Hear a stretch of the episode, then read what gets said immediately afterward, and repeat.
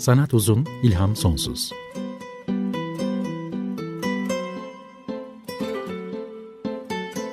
Sanat üzerine psikolojik sohbetler. Hazırlayan ve sunan Şenol Ayla.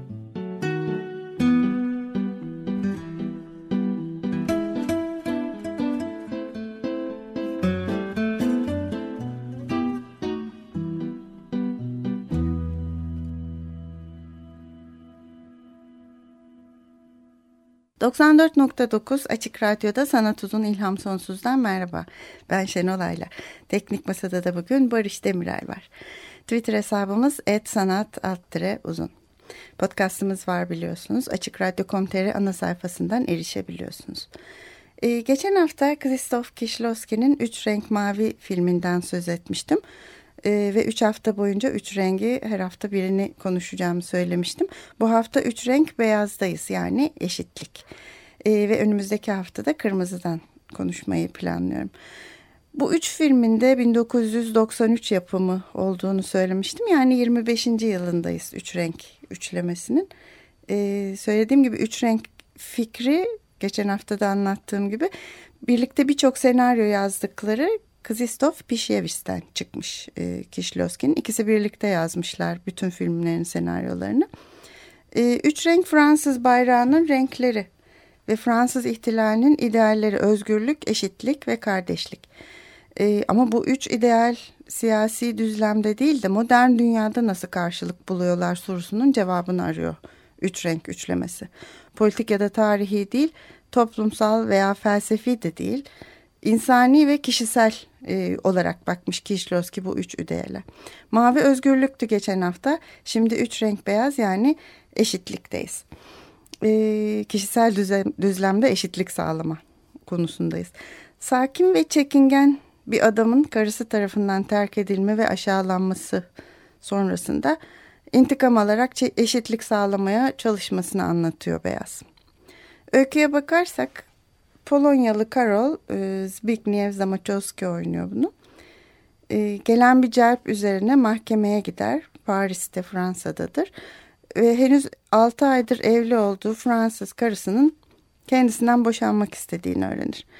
E, geçen hafta Mavi bölümünde bahsettiğim gibi duruşma sırasında Mavi'nin oyuncusu Julie kocasının sevgilisi olduğunu öğrendiği avukatı izlemek üzere salona girer ama görevli tarafından hemen çıkarılır. E, bu maviden buraya sarkan sahne işte aslında Carol ile Dominik'in boşanmasıdır. Yani aslında beyazın duruşmasıdır. E, karısı Dominik, Julie Delpy oynar bunu da. Carol'u fazlasıyla aşağılayarak kocalık görevini yerine getiremediğini, bu nedenle boşanmak istediğini söylemektedir e, mahkemede. Zaten artık onu sevmediğinde ekler. Az Fransızcasıyla davaya çok da dahil olamaz Karol. Ee, ama anladığı kelimelerde ona yeter, yıkılmasına yeter. Dominik'in onu sevmediğini anlar e, Fransızcasıyla. Bunu öğrendiğinde de onun için her şey biter. Aslında Carol öyle sanar. E, her şey bitti gibi gelir ona. Çünkü aslında her şey yeni başlamıştır. Aşağılanmaları, yerin dibine batmaları da yeni başlamıştır Carol'un. Hmm, mahkemeden çıkınca para çekmek istediğinde bankamatik kart, e, bankamatik e, kredi kartını yutar. Karısı hesabını dondurmuştur. Eve gittiğinde Dominik'in kilidi değiştirdiğini anlar evine giremez. E, yine de aklında Dominik'in evlendikleri gün tören sonrası kiliseden çıkış sahnesi vardır. Sahne beyaz bir sahnedir. Beyaz gelinlik içindeki Dominik e, kilise kapısından çıkarken arkasından güneş ışığı vurur. Dönüp Karol'a sevgiyle gülümser neşelidir. Kapıda bekleyen insanlar çiftin üzerine beyaz pirinçler atarlar. Herkes mutludur, havada beyazdır. Ama bu sahne gerçek midir? Bundan da çok emin olamayız, şüpheleniriz. Çünkü sahne muhtemelen olmasını istediği gibi hayalinde kalmıştır. Gerçek olamayacak kadar da güzel ve temizdir. Ee, Carol gecenin soğuğunda sokakta kaldığı için kaldırımda oturur. Hem üşür hem ne yapacağını bilemezken çok çok yaşlı bir adamın geri dönüşüm kutusuna boş bir cam şişeyi atmaya çabaladığını görür. Ee, ona yardım etmeyi düşünmez, acıyarak bakar, hafifçe de gülümser. Bu acıma durumu da ilginçtir çünkü belki yaşlı adam evine gider ve sonunu mutlu bitirirken o akşamın kendisi sokakta terk edilmiş, beş parasız ve evinden kovulmuş bir haldedir. Kendisinin acınacak halini görmeyip bir başkasına acımak hem inkar hem de rahatlamadır biraz Karol için. Benden de beterleri var. E, geri dönüşüm kutusuna boş şişe atmaya çabalayan yaşlı sahnesi Mavi'de de vardı. Orada da e, yaşlı bir kadın aynı şeye uğraşıyordu. Aynı buradaki yaşlı adam gibi başarıyordu sonunda ama çok uzun sürüyordu bunu başarması. Orada da Julie hiç fark etmiyordu gözünün önündeki sahneyi. Hmm, Julie Mavi'de insanlarla ilişkiye girmeyerek kendisini her şeyden uzak tutarak özgürleşmeye çalışıyordu. E, o yüzden de görmüyordu yaşlı kadını. Burada Carol da Beyaz filminin e, genel komedi havasına uyacak şekilde gülünecek ya da acınacak halini bırakıp yaşlı adama güler ve acır aslında. E, Beyazı komedi olarak tasarlamış Kişlovski ama sonra senaryodan birçok komik sahneyi çıkardığını da anlatıyor. Yine de sonuçta komik bir film, bir anti komedi olduğunu yazanlar da var. Fakat birçok sahnede acıklı bir komedi söz konusu, bir kara komedi de diyenler var. E, Karal'a dönersek gece soğuğunda aklına birden ortak işlettikleri kuaför salonu gelir.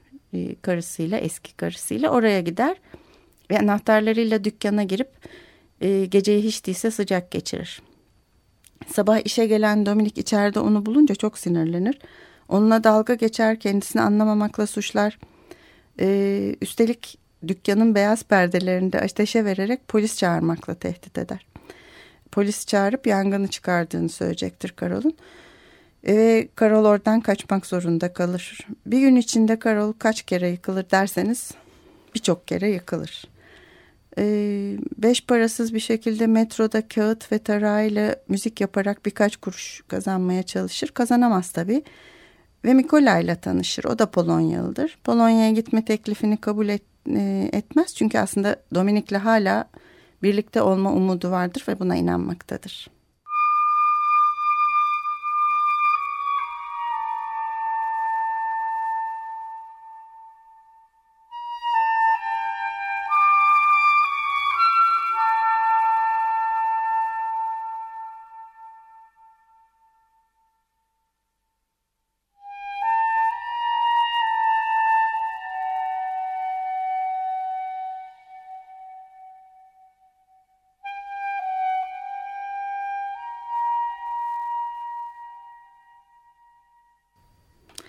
Eski evinin penceresinde başka bir erkekle birlikte olan Dominik'i görünce de çileden çıkar. Artık bu son aşağılanma, son darbe olur.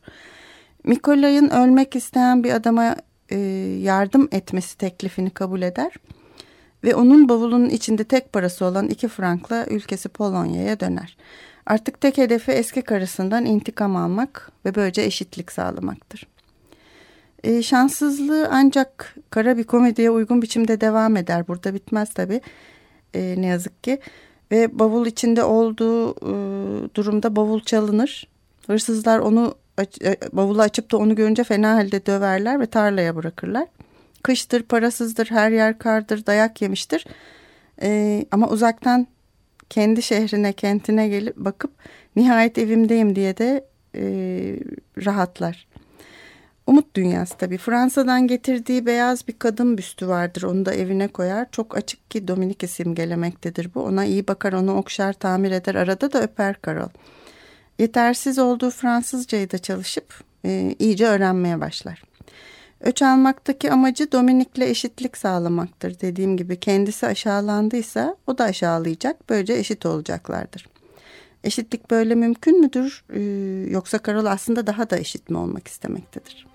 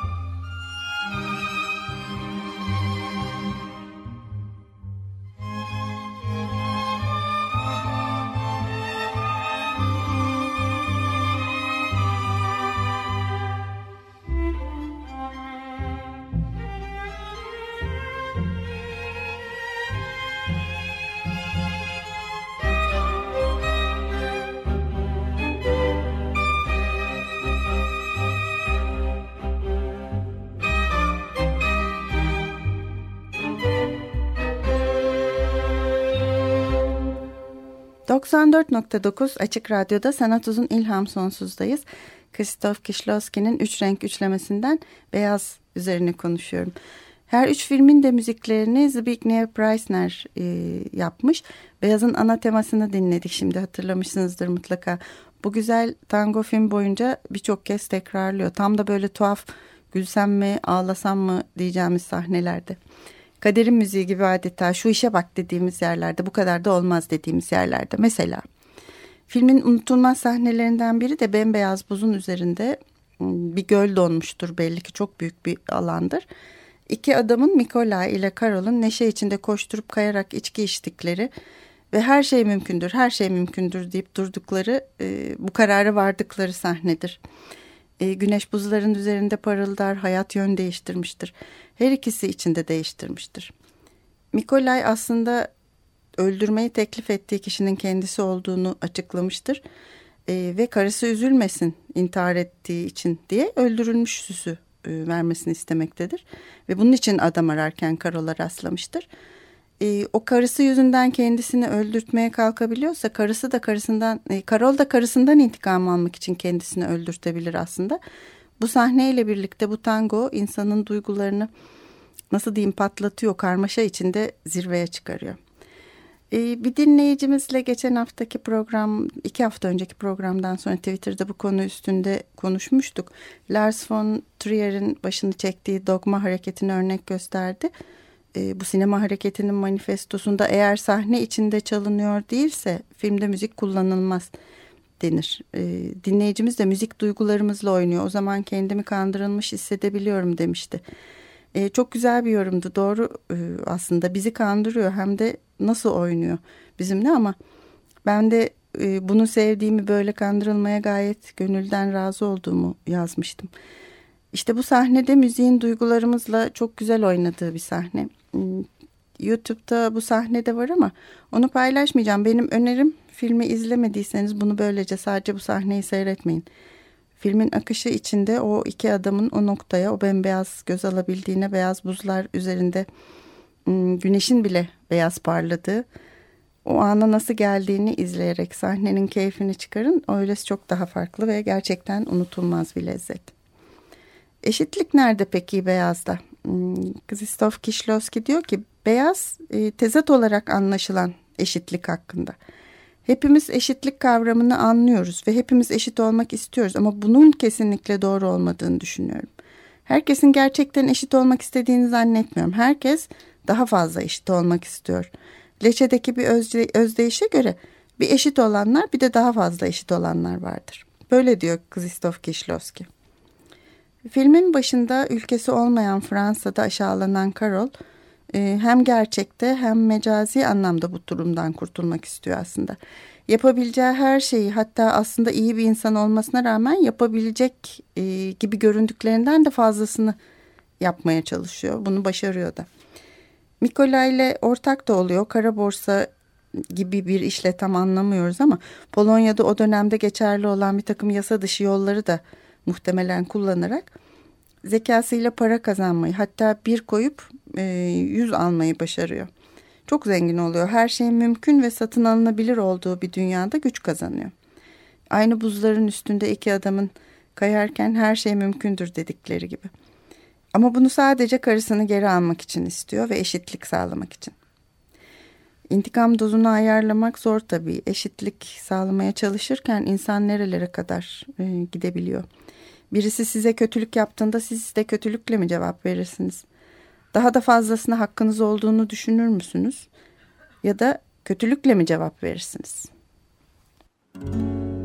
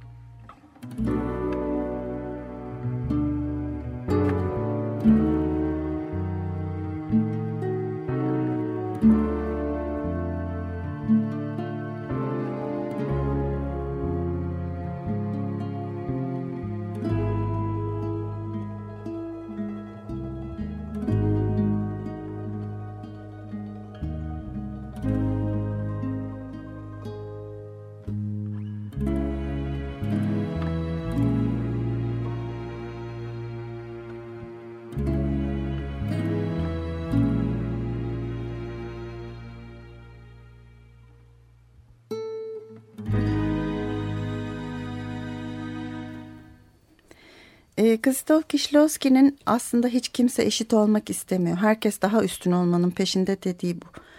Karol da aşağılanmanın, parasız bırakılmanın, sınır dışı edilmenin, polisten kaçar hale düşürülmenin, karısını ve aşkını kaybetmenin, dükkanını ve işini de kaybetmenin, belki de en ağır gelen e, iyi diş edilmenin intikamını fazlasıyla alıyor. Ağır, zahmetli ve uzun yoldan. İyi diş edilmek dedim temel meselelerden biri de bu.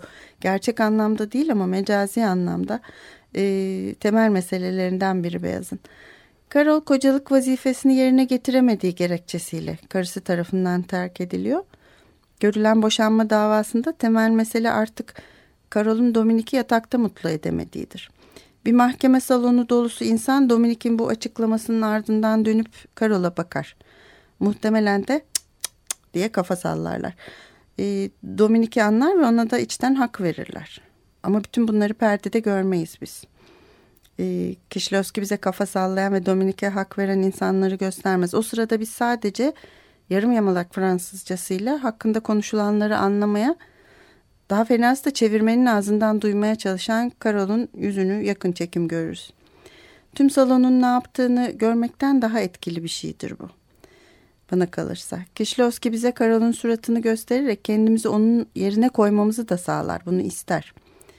Ee, yabancı ve diline hakim olmadığımız bir ülkede aşağılanmanın, ıı, yerin dibine geçmenin her türlü ruh halini içimizde hissederiz. Ee, sinemanın büyüsü mü bu? Tam olarak değil bence Kişlovski'nin sinema dehası bana kalırsa. Karol şaşkındır, üzgündür ama biz öfkeleniriz de. Empatimiz e, evlilikte haksızlığa uğradığını mahkemede açıklayan Dominik'e değil, neler olduğuna inanamayan Karol'a daha yakındır. Karol çok hazırlıksızdır, inanamaz duyduklarına, e, olanlara ve bütün bunların belki de atlatılabilir şeyler olduğunu düşünerek mahkeme kapısında yeniden karısını bulur ve yüzünde bir ışık umut e, umudu arar. Biraz gülümsemeye çalışır. Bir gülümseme arar ama e, karısı muhtemelen ortak olan, vaktiyle ortak olan arabalarını da alarak bir de üstüne üstlük Karol ile dalga geçerek basar gider. Böyle bir durumda siz ne yaparsınız? Belki biraz para çekip bir bara gider.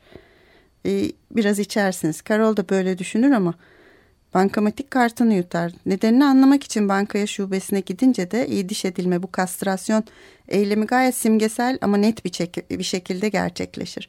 Banka memuru ki sadece makas tutan ellerini görürüz biz orada. Banka hesabının eski karısı tarafından dondurulduğunu söyleyip artık bu kartın geçersiz olduğunu ifade eder. Makasla kartı ikiye keser ve atar. Biz ön plandaki e, kartı kesen makas imgesinin ardından Carol'un suratını görürüz. Ve o yine bize empatiye çağırır. Canı acır gibi bir an suratını buruşturur. Carol biz de tamam geçti iyileşeceksin merak etme demek isteriz. E, bence bu sahnenin bir ayna görüntüsün diyelim. Çok benzerin de filmin sonuna doğru. Carol kendisini öldü göstermek istediğinde yaşarız. Bir plan yapar Carol. Mirasını almak üzere Dominik'i Polonya'ya getirmek istemektedir. Öldüğü izlenimi yaratmak için bir takım numaralar çevirir. Ciddi numaralardır bunlar. Bunlara kimsesiz bir ceset bile dahildir. Gazete, ölüm ilanları vesaire vesaire. Ee, öldüğünü kayıtlara geçirmek ve bir de cenaze merasimi düzenletmek ister. Yasal işlemleri de yaptırır. İşte o zaman nüfus dairesine gidilir. Ee, memur öldü kabul edilen Karol'un nüfus cüzdanını kağıt öğütme makinesinden geçirerek bin parçaya böler. Yine sadece memurun ellerini ve kağıt öğüten makineyi e, ve nüfus cüzdanının parçalanmasını görürüz. Tıpkı banka kartı gibi. Bu sefer ama arka planda Karol değil, e, onun bir çalışanı vardır, bir adam bir adamı vardır. Çünkü artık kendisi zengindir. Öldüğüne de göre bu işlemi kendisi izlemez, işlerini yapan yapan şoförü izler. Bu sefer e, banka kartını Karol değil, kendi isteğiyle, kendi kimliğiyle yok eder. Ee, kendisi kapıda Volvo'da bekler, arka koltuktadır. Artık zengin bir işverendir. Mahkeme kapısındaki Dominik'in onu terk ettiği muhtemelen ikinci el eski araba da söz konusu değildir. Burada bir Volvo vardır. Karol eşitlikte fazlasıyla çok daha öne geçmiştir. Tıpkı Kişlovski'nin dediği gibi daha fazla eşit olmak peşindedir. Ee, üç renk beyazda karşılıklı intikamlar ve eşitlenme çabası sonunda aşk getiriyor. Her ikisi de birbirlerini sevdiklerini anlıyorlar. Ama Hmm, Beyaz'ın son sahnesinden sonra ne olur, mutlu olurlar mı, bir araya gelirler mi? Onu çok da anlayamadan film biter. Ee, onu anlamak için kırmızıyı izlemek gerek. Çünkü aynı mavinin beyazın içine sarktığı gibi kırmızının içinde de hem maviden hem beyazdan sahneler görürüz. Onu da haftaya konuşuruz. Ee, daha önceki haftada bahsettiğim, geçen haftada bahsettiğim Üç Renk Üçlemesi kitabının yazarı Geoff Andrews diyor ki genellikle gayet komik olsa da anlamı itibariyle beyaz maviyle tamamen uyum sağlayacak bir içeriğe sahiptir. Çeşitli temalar burada da karşımıza çıkar. Aynı anda varlığını kabullenirken yaşanan zamana devam etmek üzere geçmişten kurtulma çabası, hayatın, kader, irade özgürlüğü ve katıksız şansın sürekli olarak etkileşime girdiği bir arena olması, kayıp veya ölmüş olanlara dair duyguların yaşayanlara musallat olması, cansız nesnelerin ve mekanların geçmişimizde veya geleceğimizde oynadıkları rollerden kaynaklanan bir duygusal yansımayla donanması ve çok çeşitli sıklıkla sapkın görünümleriyle aşkın insan ediminin ardındaki temel motivasyon olduğu anlayışı. Evet aşk insan ediminin ardındaki temel motivasyondur diyor ama e, aşk mavideki gibi iyileştirici bir güç değil. Beyazda hilekarlık, acımasızlık, intikamla iç içe daha bencil, daha sahiplenici, e, daha öç almaya dayalı bir hal gibi tasvir edilmiş. Tabii kırmızıyı da konuştuktan sonra biraz bunlara tekrar dönebiliriz. Şimdi bugünü üç renk hakkında Kişlowski'nin söyledikleriyle kapatmak istiyorum. Şöyle diyor Kişlowski. Hem üç renk için hem de genel bütün filmleri için. Bütün filmlerim yönünü tam olarak bulamayan, nasıl yaşanacağını tam olarak bilemeyen ve umutsuzca arayışta olan kişiler hakkındadır. Ee, ben sanıyorum en çok da bu nedenle seviyorum Kişlowski'yi. Neyse.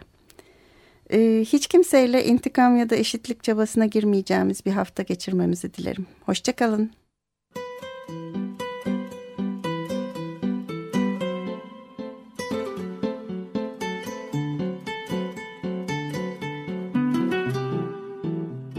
Sanat uzun, ilham sonsuz.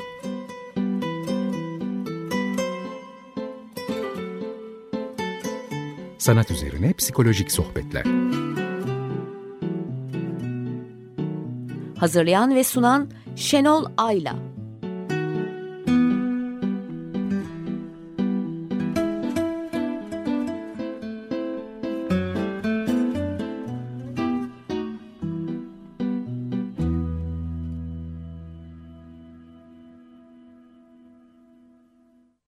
Açık Radyo program destekçisi olun. Veya daha fazla programa destek olmak için 212 alan koduyla 343 41 41.